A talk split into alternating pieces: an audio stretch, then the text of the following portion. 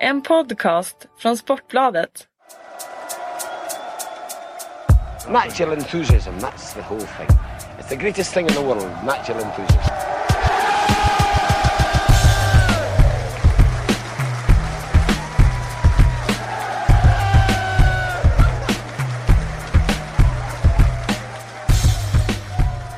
Då hälsar vi hjärtligt välkomna tillbaka till eh, det lilla forum vi brukar kalla för Sportbladets Premier League-podd. Mitt namn är Patrik Syk. Med mig i studion har jag som vanligt Kalle Karlsson. Ständige Premier League-tyckaren. Eh, och bredvid dig sitter Fredrik Falk. Välkommen! Tack ska du ha. Debut i, inte i Premier League, det är andra gången du är med. Andra gången jag är med i Premier League-podden. Sist jag var med så var det svalt med reaktioner. Jag fick ingenting eh, kastat på mig. Så Ja, men det är eh, ett bra betyg. Det innebär ju att du inte har gjort bort det i alla fall. Ja, ja, jag, jag tar det så då. Jag får, jag får se om det händer någonting efter Vi här skickar en uppmaning då till eh, alla er lyssnare att eh, reagera på vad han än säger idag då, så får vi väl se. Eh, Feedback är viktigt. Ja men feedback är, det är kul om inte annat. Vi har en del att prata om idag fast det inte har spelats någon eh, engelsk ligafotboll på ett par veckor här så eh, har det ju hänt en del. Vi har en stor match i helgen. Riktigt klassikermöte, Arsenal mot Manchester United. Eh, ganska digra skadelister på båda sidor. Arsenal är vi vana vid, de har ju alltid långa skadelister. Men Manchester United, det ser eh, ganska jobbigt ut faktiskt. Vi ska dessutom prata en del om Wayne Rooney som ju jubilerade här eh, i helgen. Eh, vi ska prata lite, lite, lite, lite grann om den här landslagsfotbollen. Det är väl inte sådär jättemycket intressant att säga eh, ur ett engelsk-brittiskt perspektiv egentligen. Eh, utan vi, vi koncentrerar oss på den ligafotboll som vi har framför oss.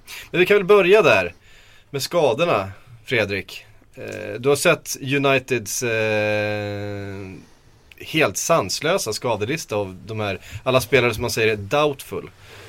Ja men det tycker jag. Men det, det ser man ju i, de, i många storklubbar nu. Det är inte bara United. Men det är, jag vet inte riktigt vad som har hänt. Om det är många som är slitna efter landslagsspel eller VM som har varit. Men är, om man tittar på de namn som är borta i, United där så eh, det ser inte jättepositivt ut. Men sen, sen är det väl några som är på, på väg tillbaka också från skador. Så jag, jag vet inte hur mycket man ska... Vi kan väl gå igenom dem. Ja. Eh, Ashley Young har varit borta sedan tidigare. Eh, Rojo, Axel Uled. Kan jag sympatisera med. Jag drog axeln ur led igår på en innebandyträning. Eh, känslor för Rojo där. Eh, Daley Blind, borta. Knäskadad. Carrick, tillbaks efter skada och blev skadad igen. Eh, får se. Eh, honom kan vi nog räkna bort. De Gea har ett finger ur led. Eh, som man säger eh, osäker. Vi får väl se hur det påverkar honom. Eh, Di Maria blev nersparkad av Nani. Bara en sån sak. Vad är, det, vad är det för sätt? Ja, han är väl bitter för att eh, Di Maria tagit hans plats. Så att, eh, det var väl helt logiskt. Eh, han har gjort det ganska bra. Gjort det väldigt bra i Sporting. Får man säga så här. Ehm, Rafael, Phil Jones, Johnny Evans, Luke Shaw och även Falcao är tveksam till start mot Arsenal. Det, det är inte många kvar. Nej, det är inte det och det är ju... ehm, alltid när det gäller de här skadekriserna så att man letar efter faktorer och sådär. Och det var intressant här nu när den här fitnessgurun och rättshaveristen Raymond Verheyen gick ut på, på Twitter av alla ställen och eh, i, slog fast att det var inte alls konstigt att Manchester United drabbades av så många skador för att eh, Fachal när han kom in i somras så ökade han träningsdosen rejält under försäsongen. Gick upp på dubbla pass. Eh, spelarna var inte vana vid det. Många av spelarna kom från ett mästerskap. Och eh, han skrev då på Twitter redan i augusti att eh, det här kommer att ge konsekvenser. Och eh, nu ser vi konsekvenserna av det enligt Verheyen då att eh, eh, den här ökade träningsdosen har man inte tagit tillräckligt mycket hänsyn till att eh, utforma individuella program till de spelarna som hade behövt det. Falcao till exempel kommer till, tillbaka efter eh, en lång skadefrånvaro med sin knä. Luke Shaw Eh, och han blev ju beskylld för att ha för dålig fitness när han kom tillbaka. Eh, det är alltså inte jag som slår fast det här utan det är ju Verheyen som har jobbat som fitnesstränare i många storklubbar tidigare som, som eh, ofta påpekar tränares bristande kompetens när det gäller just eh, fitnessbiten. Att Fitnessguru tar- och rättshaverist som Ja. slog fast. Precis och eh, saken till den är att imorgon ska jag faktiskt gå och lyssna på Raymond Verheyen så vi får se vad Jaha. han säger då. Han kommer till Stockholm faktiskt. Spännande. Mm. Eh, du kanske kan ta upp det här då med eh, just Får Manchester se om det blir någon frågestund då. Eh, då ska jag, då ska jag eh, skicka in den frågan, ja. Men eh, de möter ju ett Arsenal som givetvis inte ska vara sämre när det kommer till skadelistor. De är ju, de är ju alltid där uppe i toppen och krigar. Eh, Danny Welbeck fick kliva av landskampen i, i veckan. Känningar, det är väl osäkert om han egentligen slog upp någonting eller om det bara var lite, lite stramt. Eh, vi får väl se, det mesta tyder väl på att han kommer starta i helgen. Men man har ju Özil borta, Koscielny, Arteta, Debussy, Ospinja och givetvis Diaby. Stackars Diaby. Han är alltid skadad. Ja, det är väl ingen skräll. Men det är intressant det där man säger med Arsenal har alltid skadekris. Det har de ju. Men United har ju också faktiskt eh, typ varje år en skadekris på backsidan. Upplever jag. Jag minns ju förr om åren när de mötte Milan där i den där Champions League-semin och Kaká sprang i åttor runt West Brown och Gabriel Heinze var det ju som var mittbackar då. Eh, och det, var, ju- det har ju funnits andra tillfällen eh, liksom, i princip varje säsong där de får spela med Michael Carrick som, som mittback. Eh, och det är ingen slump eh, att det, det händer år efter år utan det måste vara någonting i de här klubbarna som, som gör att de gång på gång drabbas av mycket skador. Om man tittar på Chelsea till exempel nu så, så har ju de faktiskt klarat sig väldigt, väldigt bra från skador den här säsongen. Spelar typ samma elva match efter match. Ja men så är det ju. Eh, ja, det, det är förstås jävligt svårt att peka på vad det beror på. Det är väl ganska många som står och kliar sig i huvudet och, och försöker eh, få ett svar på det. Det skulle spara klubbarna ganska mycket Ja, jag tror nämnt energi och pengar. tror, om tror jag nämnt det tidigare, men Arsenal de initierade någon egen undersökning i våras här där de verkligen skulle gå till botten med varför de drabbas av så mycket skador. Om det kunde vara underlaget liksom på träningsanläggningen till hur de äter till allt möjligt. Eh, Jag vet inte om de har kommit fram till något där men de fixade ju den här eh, Jonke, den här nya fitnesstränaren i somras. Och eh, för att eh, komma till rätta med det här. Men hittills har det inte gett någon effekt. Men å andra sidan så tar det ju tid om man ska lägga, lägga om sin träning så innan det ger effekt. Så att vi får ju se här på lite sikt om det kan, kan bli någon bättring för Arsenals del. Ja. Känner ni, upplever ni att det har blivit värre med skadorna? Nej, det, det, det tycker inte jag man kan påstå. Jag tycker ibland så, det finns ju en tendens att man håller på att övervärdera, det här man kallar in eh, fitnessexperter som jag pratade om innan. Att man ska göra undersökningar. Det är jättebra att det, att det är professionalitet liksom, kring det, kring skadebiten. Men ibland känns det som att fan, det är de lag som spelar mest matcher som drar på sig flest skador. Och den här säsongen är det United. Nu, nu är Kalle inne på att de har haft problem tidigare. Men jag tycker man kan ändå se att eh, Chelsea har haft stora problem förra säsongen. De har haft Terry som har haft sin skadehistorik bland annat. Och är Terry borta i det mittförsvaret så, så är det lätt att det, det läcker, läcker där bakåt också. Så att jag, tycker, jag tycker ändå att jag menar, de som spelar flest matcher, de drar på sig skador och är man fotbollsspelare själv så vet man hur lätt det är att dra på sig skador. Det behöver inte alltid vara att man är sliten och det räcker med en liten, liten en konstig fotinsättning i, i en närkamp så kan du vara borta i två månader. Och det, det är så fotbollen fungerar tycker jag. Och då, om du har spelat mest matcher så är det inte så konstigt att man drar på sig skador. Så jag tycker att det finns en Ibland blir det så att man sitter och utvärderar det där ut och in. Liksom. Man kommer- Man kommer inte så långt fram. Det är bara att konstatera att det, det är så det är. Det kommer ju förstås, eh, alla de här skadorna för både Arsenal och United kommer ju påverka helgens match ganska mycket. Nu vet vi ju inte riktigt eh, huruvida de Gea spelar till exempel. Han har ju varit otroligt viktig för eh, United den här eh, hösten. Eh, det kan ju vara en, en, kanske den viktigaste faktorn av- alla huruvida han spelar. Det vet vi ju inte idag. Det, det kan ju mycket väl vara så att han står där på lördag. Jag läste, vad- vad någon, jag läste var en intressant eh, faktiskt synpunkt. Det var någon engelsk tidningskrönikör som ställde frågan om, om man skulle skjuta upp matchen mellan Arsenal och Manchester United i helgen bara för att det är så mycket skador. Jag tyckte det var i alla fall intressant att han väckte frågan. Jag tycker absolut inte att man ska göra det för att det blir ju det blir ganska det blir ju ganska parodi fel. när man bara lyfter den frågan. Det hade ju inte lyfts om det hade varit eh, liksom Crystal Palace mot Leicester som hade haft mycket skador. Då hade man inte ens eh, ställt frågan. Men jag tyckte ändå det var intressant att han, jag har inte sett någon annan som har liksom föreslagit det kring, kring en match och att man ska skjuta upp den för att det är för mycket skador. Mm. De här har ju ändå ju- ganska många världsklasspelare i sina trupper så de, har, de, de ställer ju inget liksom brödgäng på planen i alla fall. Vem tror ni eh, påverkas mest här då? Eh, Arsenal eller eh, United? Det är svårt, det är svårt. nu har ju United eh, ännu fler spelare skadade så det är klart att de på något sätt eh, påverkas mer. Men hur ser ni på styrkeförhållandena mellan trupperna som de förväntas ställa ut? Ja, jag tror att United har lite fler akilleshälar i sin backlinje än vad Arsenal har. För att eh, Arsenal kan ändå få ihop eh, en hyfsad backlinje. Nu sprang ju såklart Montero sönder den backlinjen här mot Swansea här i förra omgången där han latchade lite med Chambers. Men eh, jag skulle ändå säga att eh, Ja, det, fast samtidigt, jag menar Monreal är ingen liksom klockren mittback på, några, mm, på något sätt. Så att det, kanske, det kanske är en akilleshäl att ha honom där i en toppmatch. Så det är svårt att säga. Det kanske är så att båda lagen har sina akilleshälar. Mycket mål då? Ja, det är rimligen med de här försvarslinjerna så borde det bli Hur många som har lyft frågan om att byta plats på Callum Chambers och eh, Nacho Monreal? Ja, jag tror att det skulle vara vettigt. Tror, Han... ni, tro, tro, tror ni Wenger skulle eh, göra så? Han brukar ju vara ganska så eh, envis i, i sina beslut och i sina strategier. De har ju Arteta tillbaka nu så man har ju möjligheten att spela typ Flamini som högerback. Eh, och peta Monreal till bänken. Ehm, men vi får se vad han hittar på. Mm. Eh, hur ska United ställa upp dem? De har ju, vem ska spela vänsterback till exempel? De har ju Rojo, Shaw och Blind förmodligen eh, borta då. De har ju, de har ju värvat tre stycken mitt, eh, vänster, vänsterbackar egentligen den här eh, sommaren. Ingen är tillgänglig till den här matchen. Det blir väl eh, Tyler Black, Blackett kanske? Ja, om inte han behövs centralt. Ja, ja. Nej, men det, det, känns som att Tyler Blackett kanske får vänsterbacken i den här matchen då. Mm. Paddy McNair lär väl fortsätta i mittförsvaret. Tillsammans med Chris Smalling.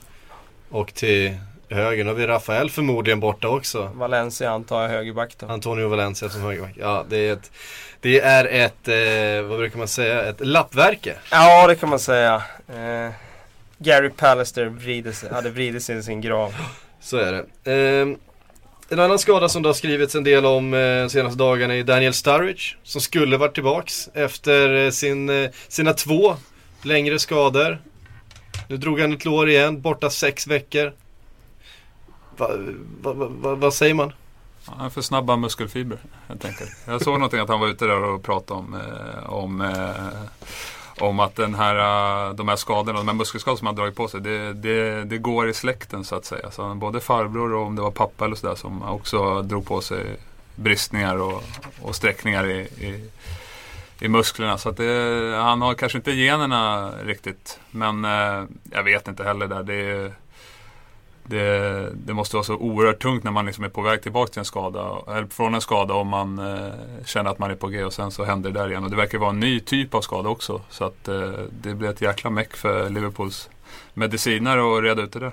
Mm. Och dessutom när han också känner att laget verkligen behöver honom och fansen vill verkligen inget hellre än att han ska vara fit och tillbaka på planen för att man har sett så enormt stor avsaknad av den där anfallaren som, eh, som de hade i fjol. Eh, så då är det nog ännu tyngre för en Daniel Sturridge att få gå nu ytterligare eh, tid här på, på mm. rehabcykeln. Och nu när man kliver in i en eh, period där man faktiskt har flera matcher med lite, vad ska man säga, lättare motstånd. Man ska möta nykomlingar, man ska möta lag som har inlett den här säsongen ganska svagt.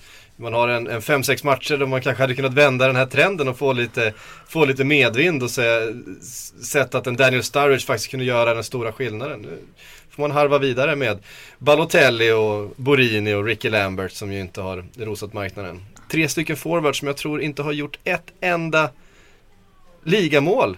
Ja, det kan Tillsammans på sina, jag läste någonstans 880 någonting eh, matchminuter. Eh, gemensamt och inte ett enda ligamål. 880 minuter är, var mindre än vad jag trodde i och för sig. Att de skulle ha spelat tillsammans. Men det är klart att det är ändå en, vad blir det, nio matcher eller någonting. Och det, det är inte tillräckligt bra helt enkelt. Um, vi har fått en fråga här ifrån uh, Jesper Lindblad. Med Sturridge skadebenägenhet och Balotellis urusla målform. Borde Liverpool kalla hem inom situationstecken Origi? Ja, det tror jag att uh, de uh, överväger att göra nu.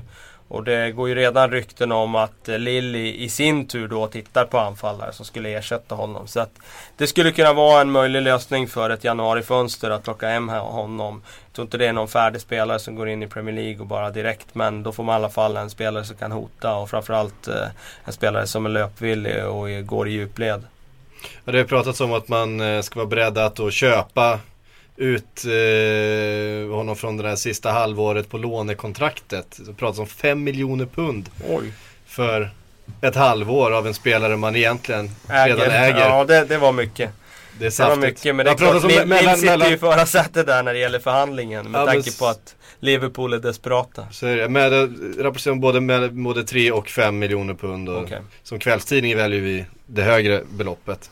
Eh, så är det. En eh, forward som eh, däremot är hel och frisk och antagligen kommer starta eh, i helgen är Wayne Rooney. Eh, gjorde sin hundrade och hundraförsta landskamp nu i veckan. Eh, har ett fantastiskt fas, alltså han är bara 29 år gammal och har gjort 100 landskamper. Eh, det, han måste vara en av de yngsta eh, någonsin att ha gjort så många landskamper i den åldern och med tanke på alla skador han haft. Och, ja, Podolski slog väl någon rekord när han gjorde 100 landskamper. Gjorde han inte det? Var inte han den yngsta då? Som det var mycket, och då var han 100. kanske 28 eller... Ja, 27-28 där ja, kanske. Mm. Någonting sånt. Eh, och så ska man ju räkna in då Wayne Rooneys benbrott och eh, sådana här saker inför mästerskap och eh, att han, ja, 46 eh, mål på de 101 landskamperna. Mm. Det är helt okej. Okay. Det är helt okej okay och han är på väg upp nu och slår sig in där. Eh, Gary Lineker twittrade ju lite roligt där i helgen där med att han, han skulle dra sig tillbaka från landslagsspel nu när han, när han var på väg att gå om honom där. Och det eh, är ju bara en tidsfråga nu innan han faktiskt går upp och tar första platsen på den listan. Det kommer han ju göra.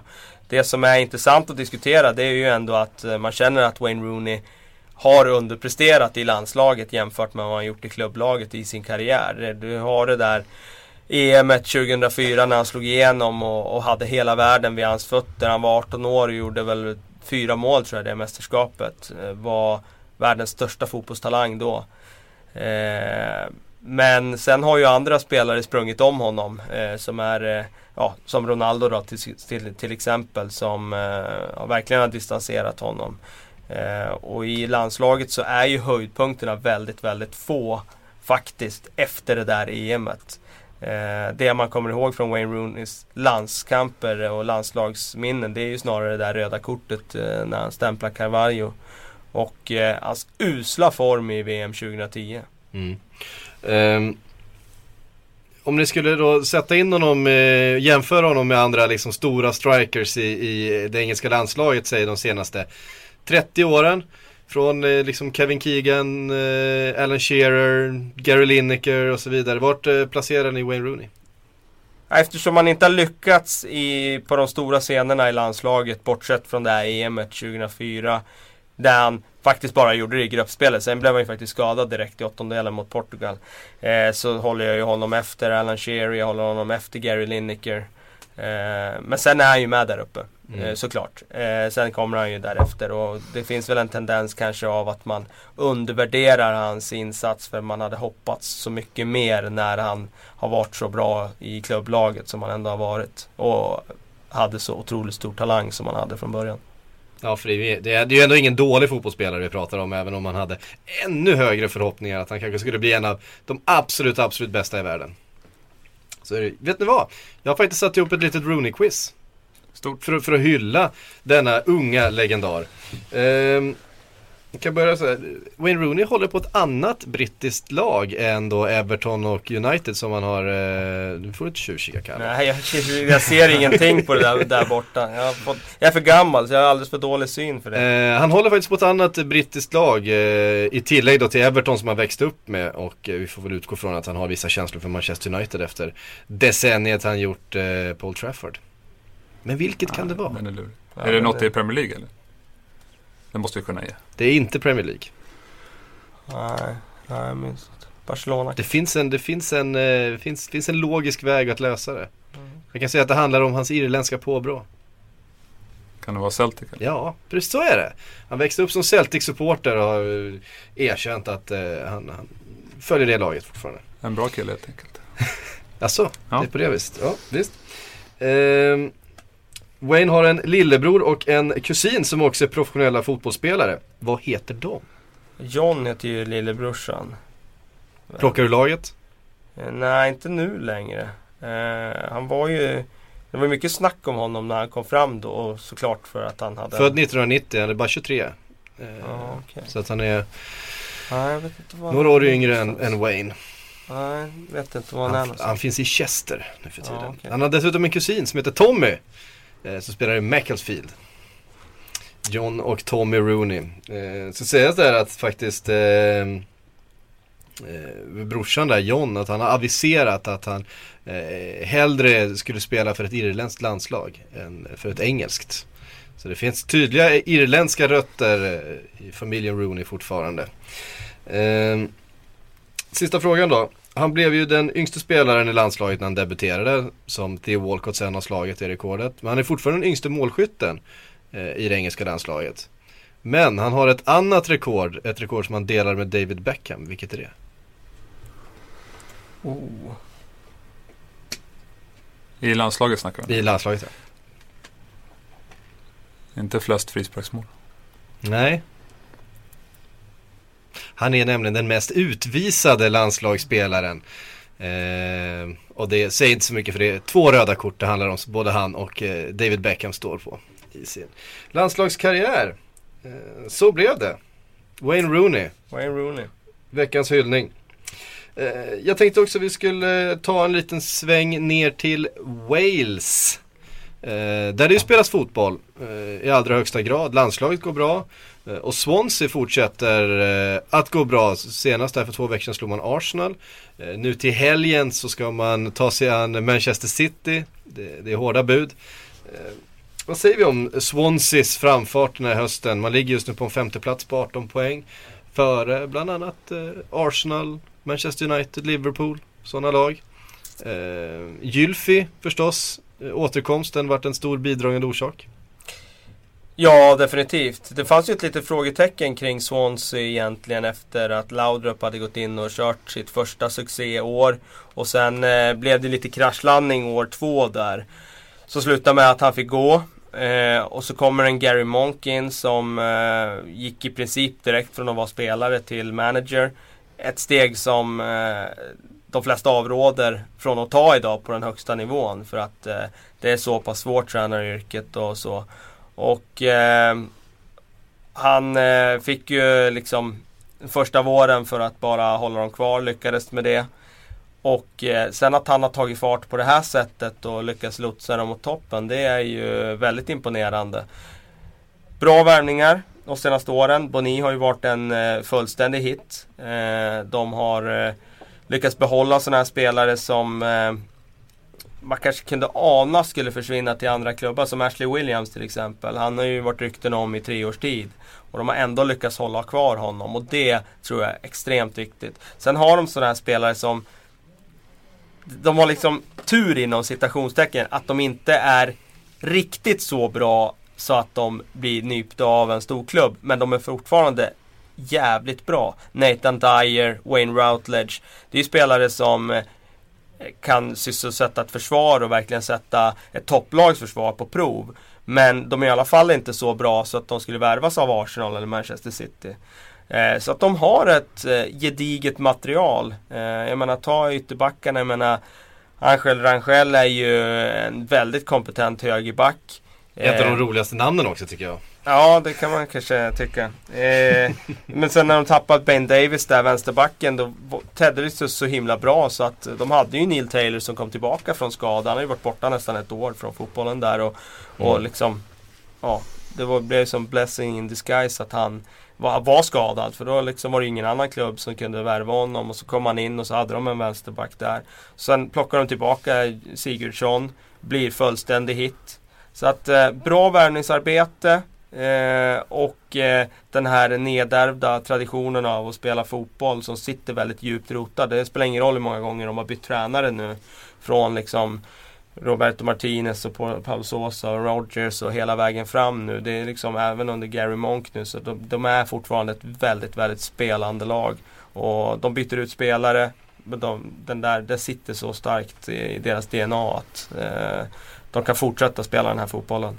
Mm. Hur har eh, Gary Monk då, vi var inne på det att han uh, hanterat det bra. Hur, hur värderar ni honom som manager?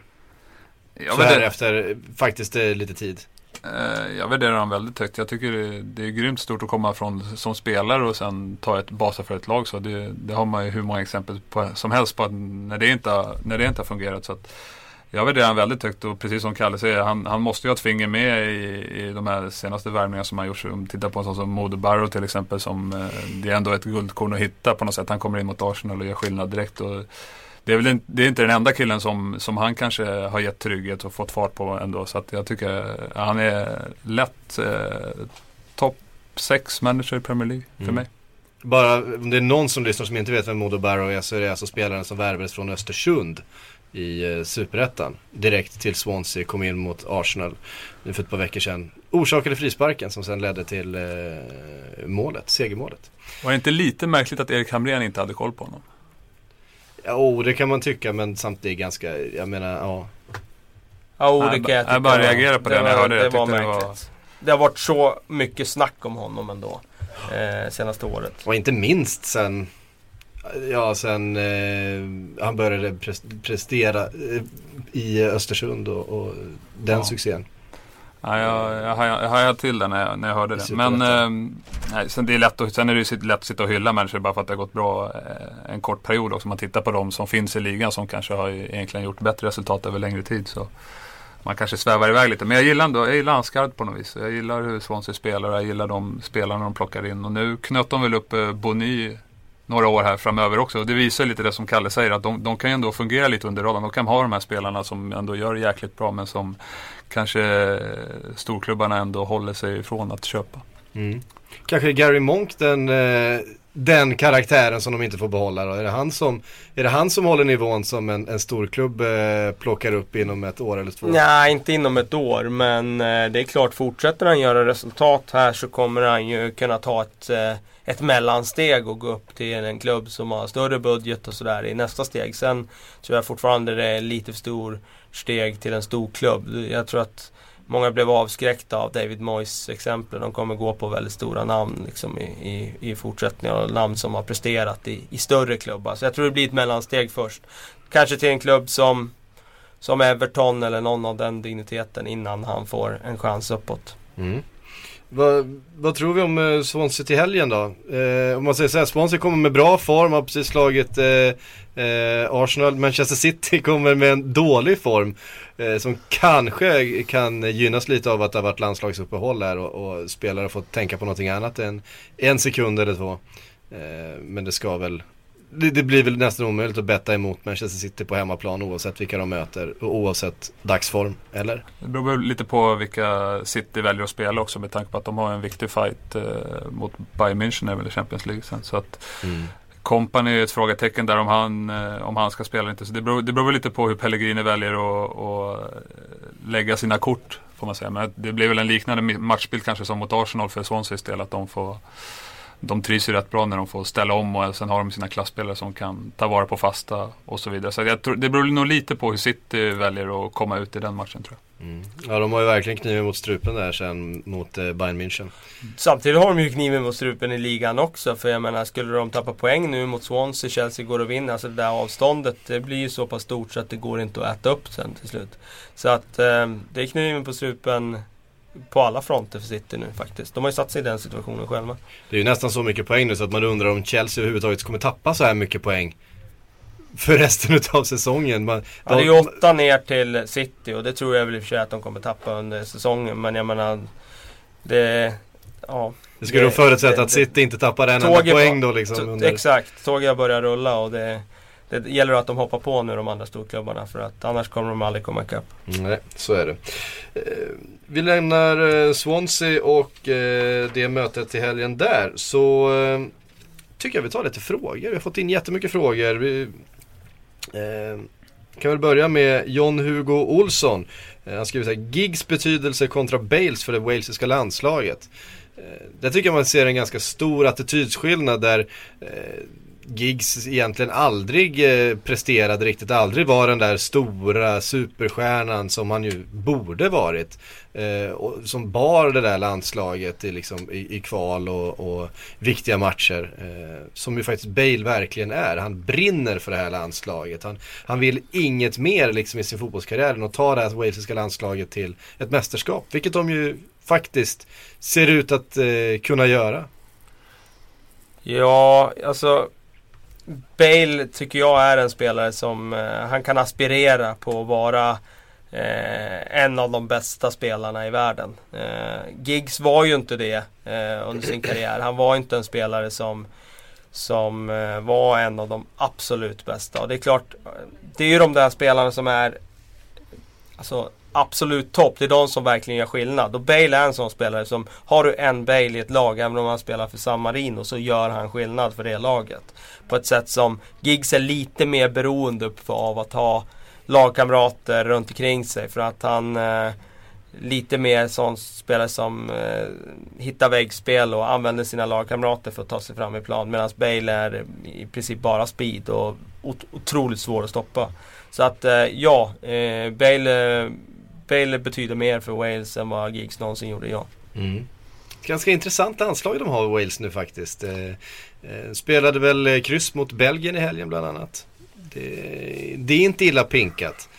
Får man säga. Det hypade belgiska landslaget. Kanske vi ska börja hypa det walesiska. Får se här. Om de tar sig till det här EMet.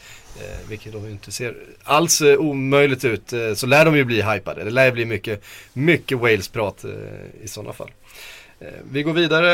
Eh, Viktor Lundqvist undrar vem som har bäst ben i Premier League. Wilfred Boni. Han har, ju två, han har ju två klubbor som, som påminner om Roberto Carlos. Om man menar med bäst, alltså stora starka ben som... Ja, du får definiera bäst precis som, du vill. Eh, nej, jag, jag skulle säga att han har eh, eh, sanslösa ben. Mm. Sämst ben? Peter Crouch. Ja fast de är ju långa de där spirorna han har alltså. Han, man, man gillar ändå dem. Spin, spindel, alltså han, han är som en bläckfisk när han suger in bollar liksom. Så att nej, jag skulle inte säga att de är dåliga. Just nu så skulle jag känna nog att Sturridge har sämst ben. Som de alltid går sönder. Ja, fair point. eh, Patrik Lilja eh, vill att vi ska prata mer om eh, West Hams eh, Aaron Cresswell. Eh, kör gärna någon lista på underappreciated fullbacks. Eh, till exempel Tony Hibbert. ja. ja, det skulle kunna heta Tony Hibbert-listan faktiskt. För att han var ju verkligen undervärderad så. Nej men eh, Cresswell eh, värvade de ju från eh, Championship eh, tror jag. Och han eh, har verkligen övertygat. Spelat sig in i laget och varit väldigt, väldigt bra. Oerhört bra offensivt. Eh, kommer på överlapp, slår inlägg. Eh, skulle väl kanske behöva ta eh, ett litet kliv eh, defensivt också för att, eh, för att eh, kliva upp i den där samlingen som anses vara ligans allra bästa vänsterbackar. Men han är på, han är på god väg. Utvecklingen har varit fantastisk den här hösten. Mm. Ska vi sätta ihop en topp tre mest underskattade ytterbackar? Ja. Ja, Tony Hibbert är väl etta på en sån ändå med tanke på att han år efter år i Everton gjorde eh, matcher utan att och liksom vara liksom i rampljuset en enda gång. Men eh, han eh, var ju alltid superstabil. Så att han ska jag sätta etta. Har vi mer för ytterbackar? Gary Neville var ju lite av en sån under karriären. Jag tror att han har fått mer credit nu efteråt när han har blivit så uppskattad som TV-expert än vad han var under karriären. Det var ju länge som han var ifrågasatt i, i liksom varför spelar han i landslag i princip. Men eh, han var ju också en sån som han gjorde ju väldigt, väldigt sällan en dålig match. Um, Men en sån som Aspilicueta då? Alltså, ja, mm. ja, absolut. Jag nu lyssnade bara på Sky Sports nu för några, för några, för någon vecka sedan och då var det väl Carragher och Neville höll ju han som mm. ligans absolut bästa ytterback och då, då hajar man ändå till liksom. Man tänker fan, de väljer ändå han så att mm. Ja, då sa ju den bästa försvararen, alltså defensiva Ja, men- försvararen men- så. Och det är han ju. Alltså, Mm. det, det, det, Men det, men nu har han fått klassisk, mycket klassiska uttalandet från Mourinho. Ge mig 11, 11 Aspilicueta så vinner jag vilken trofé som helst. Mm. Han håller ju han har- honom ja, precis. otroligt högt. Och efter det citatet där för ett år sedan typ Mm. var ju det. Då uh, har han ju fått rätt mycket cred eh, Aspilicueta. Men han är, kanske fortfarande ska anses vara underskattad. För han är ju otroligt stabil alltså. Mm.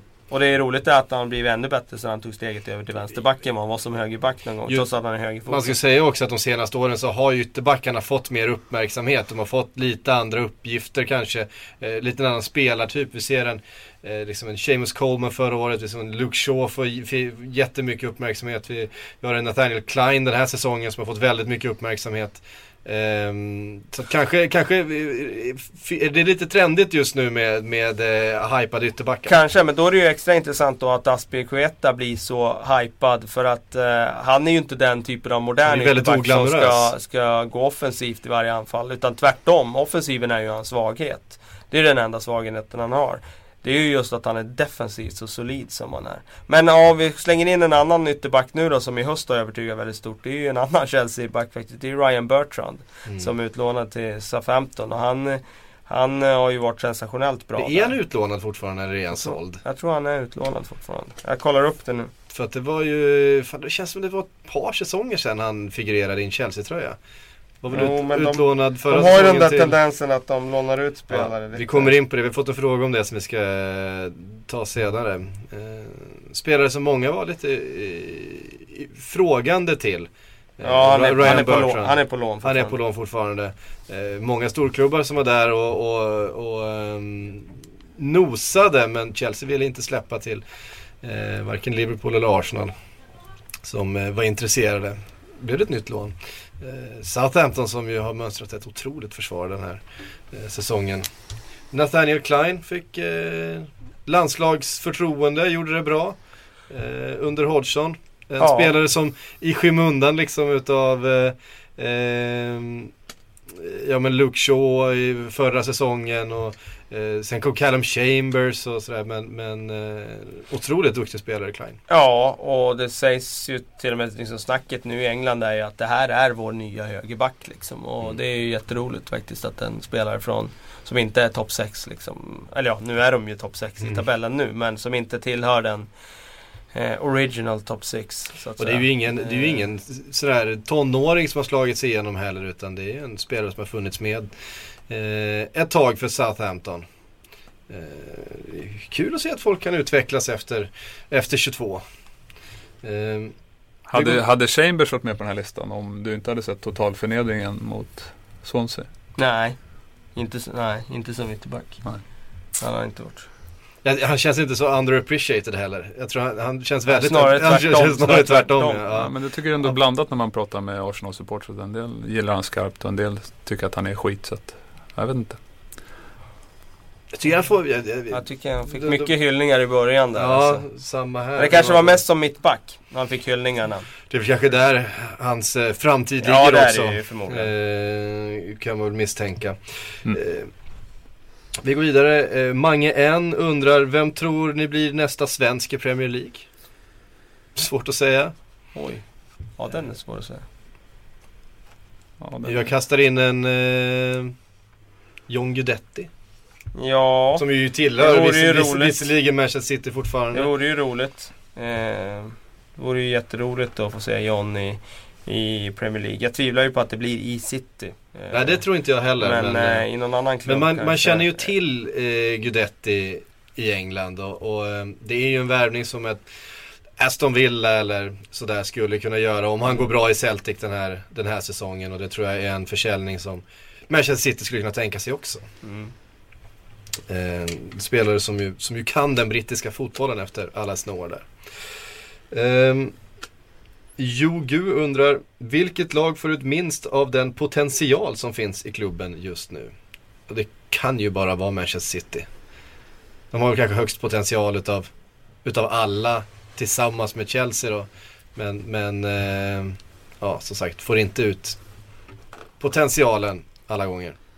United, brukar- United ska väl vara med där också om man tittar på de gubbar de har. Alltså så att Ja det är flera, vi snackade ju om det förra veckan hur många Mm. klubbar det är som har underpresterat. Så det är Ja. ganska Mm. många som slåss om den. Så. Men eh, ja, man kan ju vända och vrida på det. Men City United definitivt.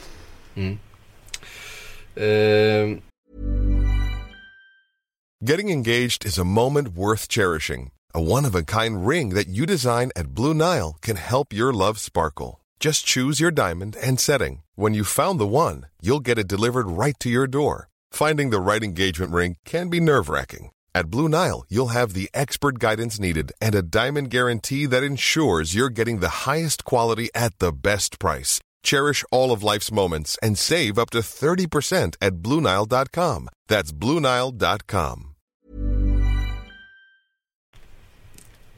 Eh, nu vet jag inte om det är ett riktigt namn det här eller inte. Nu ska jag inte vara sån här. Kevin, Kevin Tumfart. Tjabba, hur länge, jag har länge tänkt på denna fråga men har aldrig kunnat ställa den på grund av att ni spelar ju alltid in podden när man ligger och sover. Gissar att han jobbar natt då. Eh, avsnitt efter avsnitt tycker ni är alldeles för snälla. Så min fråga är, vilket lag tycker ni är det absolut tråkigaste att kolla på? Och vilken spelare är den sämsta i ligan? Fram med motorsågen. Eh, tråkigast att kolla på. Jag kan ju säga så här, jag har ju följt City rätt så länge. Jag är till och med lite förkärlek till dem, kan jag avslöja. Men eh, de senaste tre, fyra åren, jag tycker inte det är kul att kolla på dem. Alltså. Jag tycker eh, de har, sin, de har klassspelare som helt klart eh, förhöjer tittarupplevelsen om man ska säga så. Men jag sitter inte på, jag sitter inte och njuter när jag kollar Manchester City spela hemma mot eh, Aston Villa. Det är inget kul. Det går... Det, jag tycker man ser så otroligt stor skillnad på City med och utan David Silva också. Ja det är det ju. Alltså det är lite tudelat för ibland tycker jag att de ska spela sån fantastisk jävla bra fotboll. När de får till det som faktiskt borta mot Aston Villa här för eh, en månad Men sedan det är ju en förutsättning att David Silva är, är där och liksom styr och ställer och, och liksom hittar vinklar och, och regisserar det här anfallsspelet. ja. Utan överlag så tycker jag topplagen liksom, det, det är för många matcher där det, där det går för sakta och där det är för tråkigt. Ja, jag kan säga in laget som jag håller på, jag tycker Liverpool är för bedrövligt tråkiga den här säsongen. Det händer absolut ingenting. Eh, några av de tråkigaste fotbollsmatcher fan man har sett har ju varit de här 0-0 matcherna när det enda anfallet man lyckas skrapa ihop är liksom ett Balotelli-skott från 37 meter. Jag tycker Burnley den här säsongen, det kanske är givet svar, men när det kommer en nykomling till Premier League så brukar man alltid se, ja ah, det här var något nytt, det här var något intressant. De liksom, man blir lite överraskad. Det har varit så de senaste åren. Norwich kom upp, spelade otroligt rolig fotboll där med Grant Holt och det var liksom något nytt. Sen kom andra nykomlingar som också har överraskat. Burnley, de har liksom inte gett någonting till Premier League. Inte ett smack. Det är liksom, ja, det är bara ett spelarmaterial som inte håller på den här nivån och de har inte lyckats liksom eh, De känns inte som de Övervinna kraft- de hindren de har. De känns inte som de har kraft att försöka. Nej, och de har Alltså, liksom har inget... alternativ. nej, de, nej, precis. Och de har inte liksom... De har inte varit några roliga att se heller. Så att jag- för mig, Burnley, den här säsongen faktiskt har varit eh, en tråkig nykomling faktiskt. Det var de ju inte när de kom till Premier League under Owen Cole då för fyra år sedan, eller vad är det, fem år sedan är det. Eh, då var de ju faktiskt en färgklick. Mm. Eh, vi tar en eh, fråga från Facebook. Eh, tack. Sämsta spelaren, det är, kanske vi ska... vi- vi glömde det är den, svårt att säga alltså. Det, det är så... ehm, eh, det är så svårt att... Eh, för, för det blir ju liksom någon spelare då som är en fringe player som är ung och sitter på bänken och hoppar in. måste Men ut- om jag säger så här då. utif- Utifrån liksom förväntningar, prislappar och sådana här saker Ja, är det man precis. får Däremot, resonera. jag säger så här. Jag hade ju en sån spelare i, i Birmingham för ett antal år sedan. Eh, och jag skriver om honom. Nu har jag tappat namnet, men han var skotte. Hade massa tatueringar, en anfallare som jag tyckte var så fruktansvärt dålig. Han var så sjukt jävla dålig. Jag tyckte han liksom tekniskt och på alla sätt, det var liksom en, det var en liksom. Inte mer. Och eh, jag bara satt och funderade, hur fan, jag tror det var Alex McLeish som var tränare då. Jag tänkte, hur fan kan han spela honom? Och sen slutade han att spela honom. Jag tror det var på den här tiden då den mycket tragisk bortgång när Christian Benitez fanns i klubben. Och jag tyckte att han var väldigt duktig. Han hade liksom någonting. Han kunde hota och sådär. Och liksom, hur kan Benitez sitta på bänken överhuvudtaget? Även om det bara är en match, två matcher, tre matcher. För den här sopan. Eh, Och Jag kommer inte ihåg så bytte de ut, eh, jag tror, kan han heta Gary kanske? Eh, jag ska googla på det sen och Det se. kan säkert ha hetat Inte Gary. Gary O'Connor. Hette han Gary O'Connor? Eh, jag ska googla fram en bild på honom. Men i alla fall så bytte de ut, så petade han honom. Och efter det började de vinna. Så bara började de rada upp segrar. Så det var liksom så här. Du hade ja. koll på det Kalle? Nej men det var verkligen så här som att eh, när, de, när de fick en vettig anfallare då kunde de vinna matcher liksom. Det var säkert så att lagkamraterna Ja, vad hette han O'Connor? Rio Ferdinand var dålig den här säsongen också. Eh, ja, det, apropå United och nu lirar inte Ferdinand där längre men en sån som Andersson har väl ingen riktigt förstått vad han, vad han gjorde i Premier League heller. Det är också en sån där spelare som man kan sitta och bli totalt vansinnig på när man ser han spela in i mittfält. Så att det finns några sådana där uh, lirare man har haft uh, under flera säsonger som man har stört sig på men nu har vi ju sågat färdigt kanske. Ja men det är nog Gary O'Connor Ja, han kommer från Hips, Ja. Hibernian. Ja. Bra Fredrik. Härligt. Eh, vi kan se en fråga från Facebook. Oskar Seger undrar. Eh, en fråga angående fotbollsspelare och dess egenskaper slash komponenter. Det vill säga snabbhet, styrka, teknik, passningsfot, avslut, spänst eh, och så vidare. Det finns egentligen hur många som helst. Vilka spelare i Premier League skulle bli avsevärt bättre kontra avsevärt sämre om man fick lägga till kontra ta bort en komponent från Oj. respektive fotbollsspelare? Jag tänker till exempel att Eden Hazard som varit eh, som har väldigt många bra egenskaper Eh, skulle bli en mycket sämre fotbollsspelare om man tog bort, eh, tog ifrån honom hans kvickhet. Och där är det klart att eh, det finns ju spelare som lever helt och hållet på sin snabbhet. Vi har en Raheem Sterling, vi har eh, några andra sådana exempel som, som lever otroligt högt på sin eh, Aaron Lennon utan snabbhet, det blir inte mycket fotbollsspelare kvar.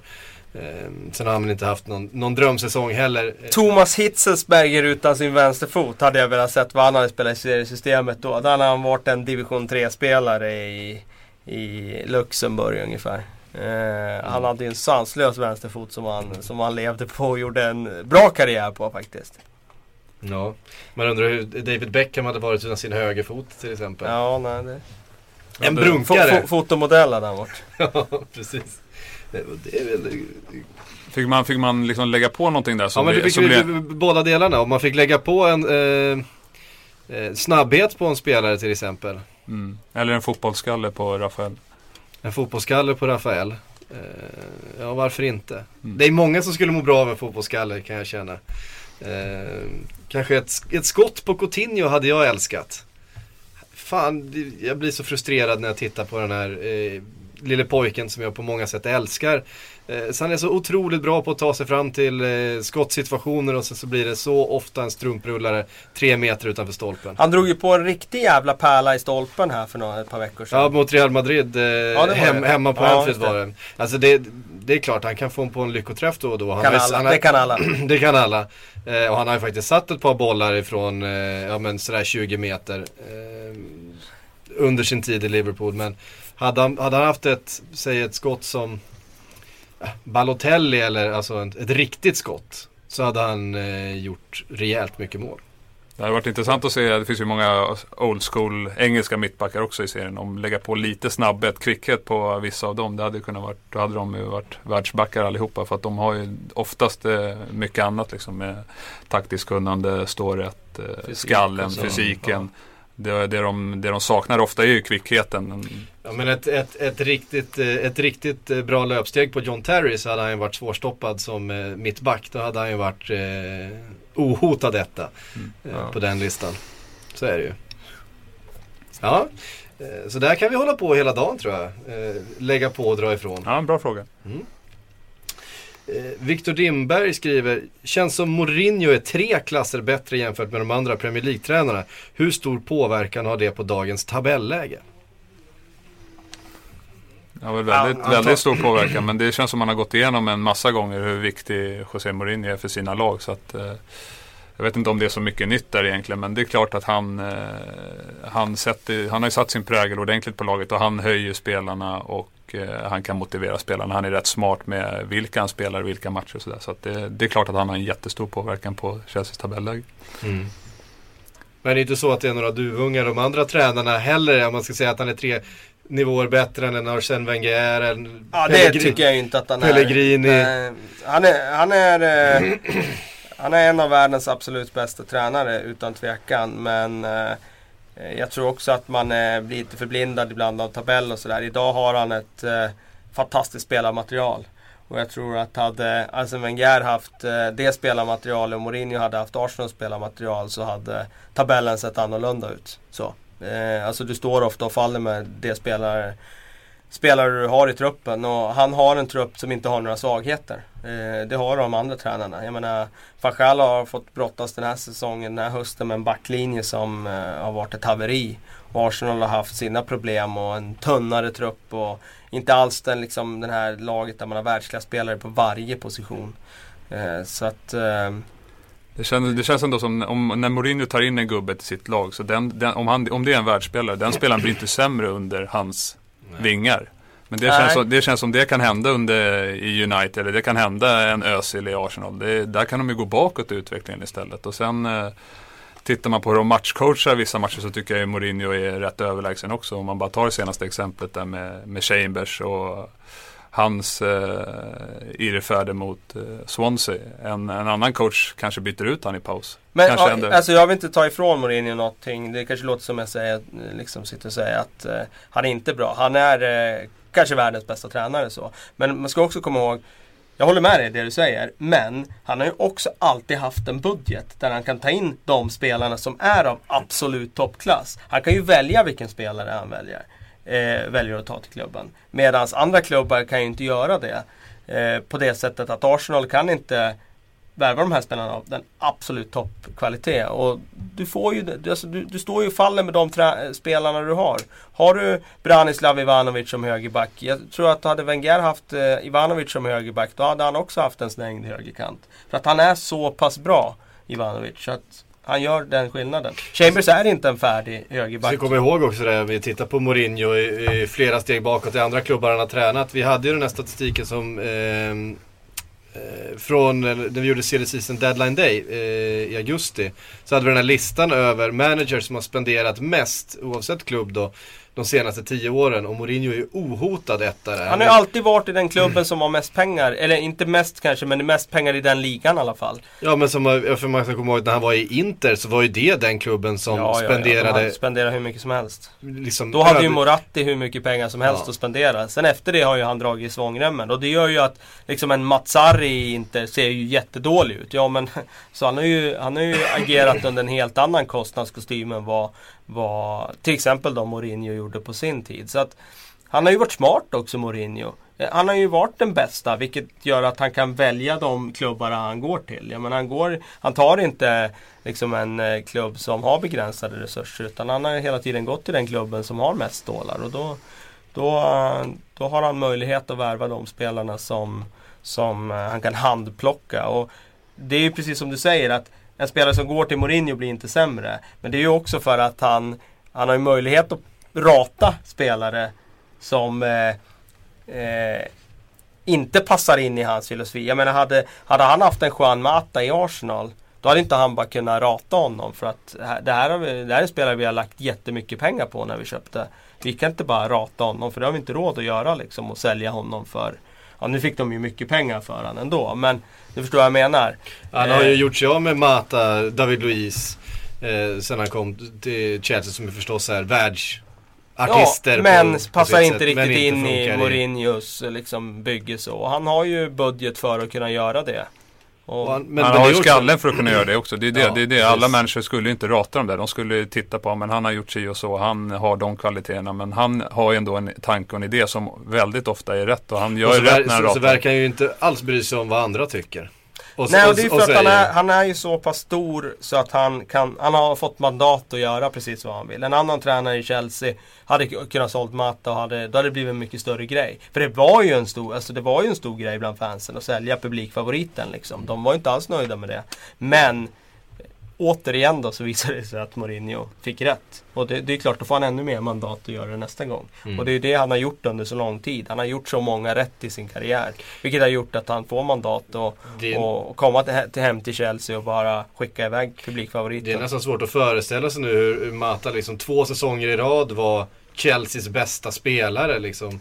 Eh, och var hela deras liksom, kreativa, kreativa kraft framåt. När man tittar på hur det har gått för honom i Manchester United och hur Chelsea eh, går utan honom. Eh, ja, det där är väldigt eh, Han är ju en sån spelare Matta, han kan ju inte spela andra fiolen utan Så har du en Matta så måste du sätta han och vara, bygga laget kring honom. Och då kommer han vara jävligt bra. Men det kanske drabbar laget på andra sätt och det är inte Mourinho beredd att, att acceptera. Utan han vill ju ha ett, ett, ett, liksom ett han, vill komplett... satt, han vill ha satt defensiv före Ja exakt, det är ju så han bygger sina lag. Liksom. Och det går inte att ifrågasätta det med den liksom, samlingen titlar killen har dragit in. Ja, man hade ju undrat hur en eh, sommar i Manchester United hade sett ut om det var José Mourinho som satt och, och värvade. Eh, istället för eh, Louis van Gaal som det var den här sommaren. Det är svårt att säga att de hade gått till säsongstart med den där backlinjen som de hade. Det är svår, man har svårt att tänka sig det.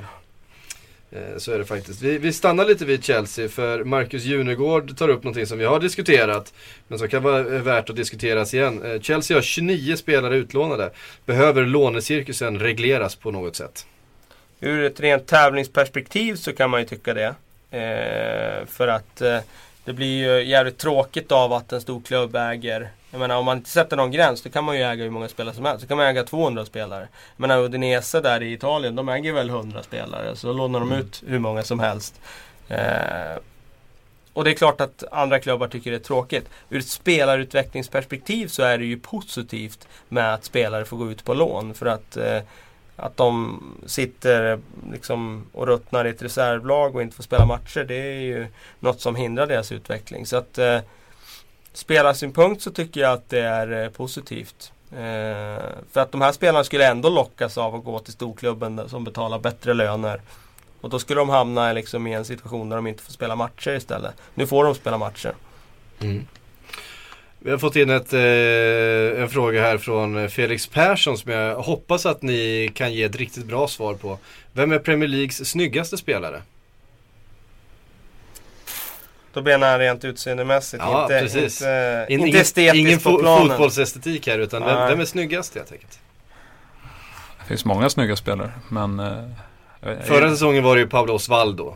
Ut, ja. Utan tvekan, i min personliga eh, favorithunk ja, i fotboll. Ja, han, han, han, har bra face. Ja. Uh, sen har jag då som Liverpool-supporter kärat ner mig lite i Emre Can. Uh, som är, har lite den här uh, superhjältelucken. Stor, bred haka. Bra, bra, skägg, bra skäggväxt. Dåligt på döma Men Daily Blind, ser inte han ganska bra ut? Ja men det är väl en... Eh, han är lite sådär pojkbandssöt va? Ja lite såhär take that uh, typen. Liksom. Det beror lite på vad man är ute efter om man ska sätta sig in i, ja, i den andras perspektiv. Ja, jag kan ju tycka att en sån som Terry är grymt sexig ibland. Uh, Nej men det, det, ja, men det, det, är, min, det, är, min, det är min smak. Sen eh, en sån som Jovetic, om man följer han på Instagram och ser hans eh, kroppsbilder han lägger ut. Han brukar gilla att vara på playan där nere, om det är nere på Balkan. Så. Han är vältränad. Ja, han har en, eh, det är inte mycket fettprocent på den kroppen. Alltså. Det, så kör han sådana här tajta speedos också. Så att, ja, det, ja, det gillar du? Ja, det, det är aldrig fel. Mm. Så det finns några. Men Terry skulle ändå vilja slå ett slag för. Det, det tycker jag är en riktig, det är en riktig gigant. Ja, eh, här kära lyssnare har ni chans att då reagera på, på Fredrik Falk. Eh, gör det på Twitter eller leta upp honom. Leta upp honom någon annanstans. Hemma. ja, Terry kan ringa. Så, så, kan ni, så kan ni diskutera John Terrys eh, sex appeal. Eh, vi byter utsida mot insida då. Eh, och så tar vi Erik Axelssons fråga. Vem tror ni är den smartaste respektive dummaste spelaren i Premier League utanför planen? Vem har högst respektive lägst IQ? Frank Lampard, Frank Lampard har väl eh, presterat oerhört bra i någon sån här Mensa-grej. Så att jag, jag, jag, säger Frank Lampard där. Tror vi inte att Joey Barton någonstans har ett, ett högt IQ? Han vill ju gärna han, förmedla han, den han, bilden. Han tror ju det. Ja. Eh, men, men eh, skulle han inte potentiellt kunna eh, vara en, även med, med andra mentala, med mentala utmaningar, en ganska skärpt kille? Kanske det. Han, jag tror lite, lite som Kalle säger, han vill nog framstå som en Han vill nog framstå som en, en smart kille men han är väl lite quasi-intellektuell kanske. Ja. Ja men så är det väl. Vem är dum då? De alla andra. Alla andra. Jag tror det är lättare att hitta folk i den ja, kategorin. Alltså, jag tror inte... det är inga det är inte- plugghästar Det är kanske. inte, nej det är inte de med högst studielån som spelar i Premier League. Och de, hade de haft några hade de kunnat betala av dem dessutom. Ganska fort. eh, och, men jag tror inte att det är intelligensreserven heller riktigt. Nu är jag fördomsfull men eh, så mycket har väl konstaterats av... av Det finns, finns det inte sån här klassisk eh, Michael Richards eh, citat från Hasse Backe va? Eh, han var i Manchester Ja, City. Att, att den här killen har alla fysiska förutsättningar men han är ju dum som en moraklocka. Eh, så att det går liksom inte att, det går liksom inte att förklara för honom hur han, hur han ska springa på planen och vad han ska be, bete sig liksom. Och det är det som gör att han aldrig, aldrig kommer bli den där stora fotbollsspelaren som han har de övriga för, förutsättningarna för att bli. Men jag tycker det kanske förändras lite över tid också. Så om man tittar på många av de här stora spelarna. De är ändå ambassadörer för sin klubb och för sitt landslag. Och de, eh, det är ju liksom eh, vandrande multiföretag som går omkring. Så att de har ju ändå shapat upp sig där tror jag. Och det, det är ofta den bilden jag får om man följer dem på Twitter, om man följer dem på Instagram eller vad det nu kan vara. Så får man ändå en bild av att många av dem där är ändå rätt skarpa när det gäller att och, PR-biten. Ja, så. PR-biten Så är så. frågan om hur mycket de gör av det själva eller om det är PR-teamet bakom som, som eh, eh, coachar dem i det. Så kan det vara. Men jag vill bara få fram, alltså den bilden är ju, det tycker jag ändå den är dominerande. Att det är så en massa dårar som springer runt och är allmänt korkade. Liksom. Mm. Så att eh, sen, sen hur mycket, hur mycket det eh, ligger, eh, som Kalle säger, att eh, det kanske är mycket PR-människor som står där bakom. Men Odden Winger kanske skulle behöva en bättre PR-kille än vad han har. Om man säger så. Jag tycker han gör alldeles utmärkt eh, reklam för sig Han är själv. skadad nu tyvärr och Domingue. Det tycker jag är tråkigt för att eh, han var på gång där i Stoke tycker jag efter flytten dit. Där kan vi prata faktiskt om lite underappreciated players. För det handlar- har handlat om väldigt mycket annat med honom och konstiga flyttar och, och inte minst eh, transfer-debaclet där med Queens Park Rangers. Men en spelare med, med ganska mycket kvalitet kan jag tycka. Eh, Absolut.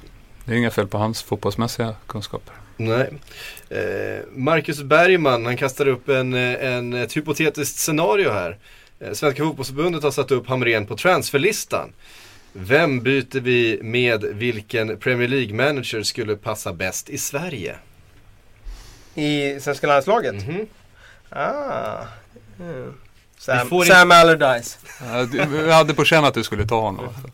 Men, Allardyce. Ja, ja, det hade ju varit Big Sam. Gå tillbaka på liksom rakt spel. Och nu har ju han i och för sig utvecklat West Ham här till något annat. Men jag vill tillbaka till eh, Big Sams Nej, men vi måste fotboll med landslaget. Ja, men vi måste komma ihåg här, vi- liksom situationen i svenska landslaget. Vi har generationsskifte. Vi har en superstjärna som liksom det, det mesta ska kretsa omkring i alla fall typ ett par år till. Ehm, och sen ska det byggas nytt. Vem, vem löser den uppgiften bäst? Big Sam. Big Sam, men Big Sam. Går han ihop med Zlatan? Ja, ja, ja. Det är frågan så här. Går Zlatan ihop med Big Sam? Ja. Det är det. Det är inte någon man sätter sig upp emot. Nu är i och för sig Zlatan lite eh, egensinnig så när det gäller tränare tror jag. Så att, eh, det är väl han som bestämmer där. Men eh, nej, det... Ja, jag tror på Big Sam. Harry Redknapp kanske inte hade varit så jäkla dumt heller.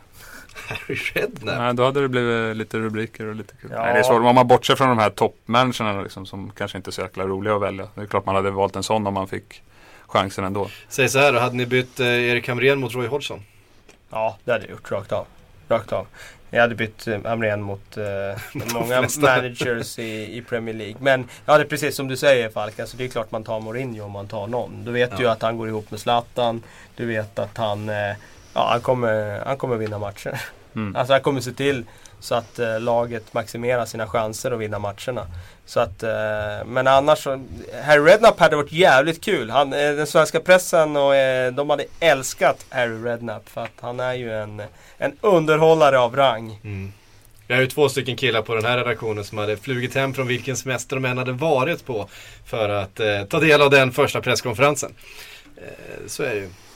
Om vi bara tittar på landslaget ur rent generationsskiftesmässigt eh, perspektiv då. Om vi bortser från Zlatan, om vi bortser från de liksom etablerade spelarna och så tänker vi att vi ska bygga ett nytt landslag här framöver. Eh, det blir väl Mourinho kanske då i alla fall eftersom han, eh, vi ändå håller honom som, som etta. Men vem, vem skulle kunna bygga om det här landslaget på ett Tony? Pulis. Nej, inte han heller. Fan, mina förslag sågas här. Men Eh, vad, vad säger vi om eh, typ en sån som Brendan Rodgers då? Som Ja, kanske ändå är- har något så här halvspännande på gång får man väl ändå säga. Även om det inte går superbra just nu så känns det som han har intressanta idéer. Han eh, eh, är väl hyfsat bra på att kanske slussa in unga spelare och sådär. Så att honom kanske, Monk eh, gör, gör det ju bra. Du har varit inne på det tidigare. Så att det, det är väl som eh, vi konstaterade tidigare att all, all, varenda manager i Premier League skulle göra det bättre än Hamrén. Så att det är väl eh, allt. Paul Lambert tror jag också skulle vara, om vi pratar rent slösa in unga spelare. Det är ju det han har sysslat med i Aston Villa. Så att, eh, skulle nog också klara det väldigt bra. Mm. Spännande. Intressant. Vet ni vad? Jag vet att du har bråttom Kalle så att vi ska eh, knyta ihop den här säcken eh, för den här veckan. Eh, Tack Fredrik, tack Kalle för att ni tog er hit. Tack kära lyssnare för att ni rattade in och så hörs vi om en vecka igen. Då har vi en hel omgång att prata om, eller hur? Magiskt. Tack! Tack!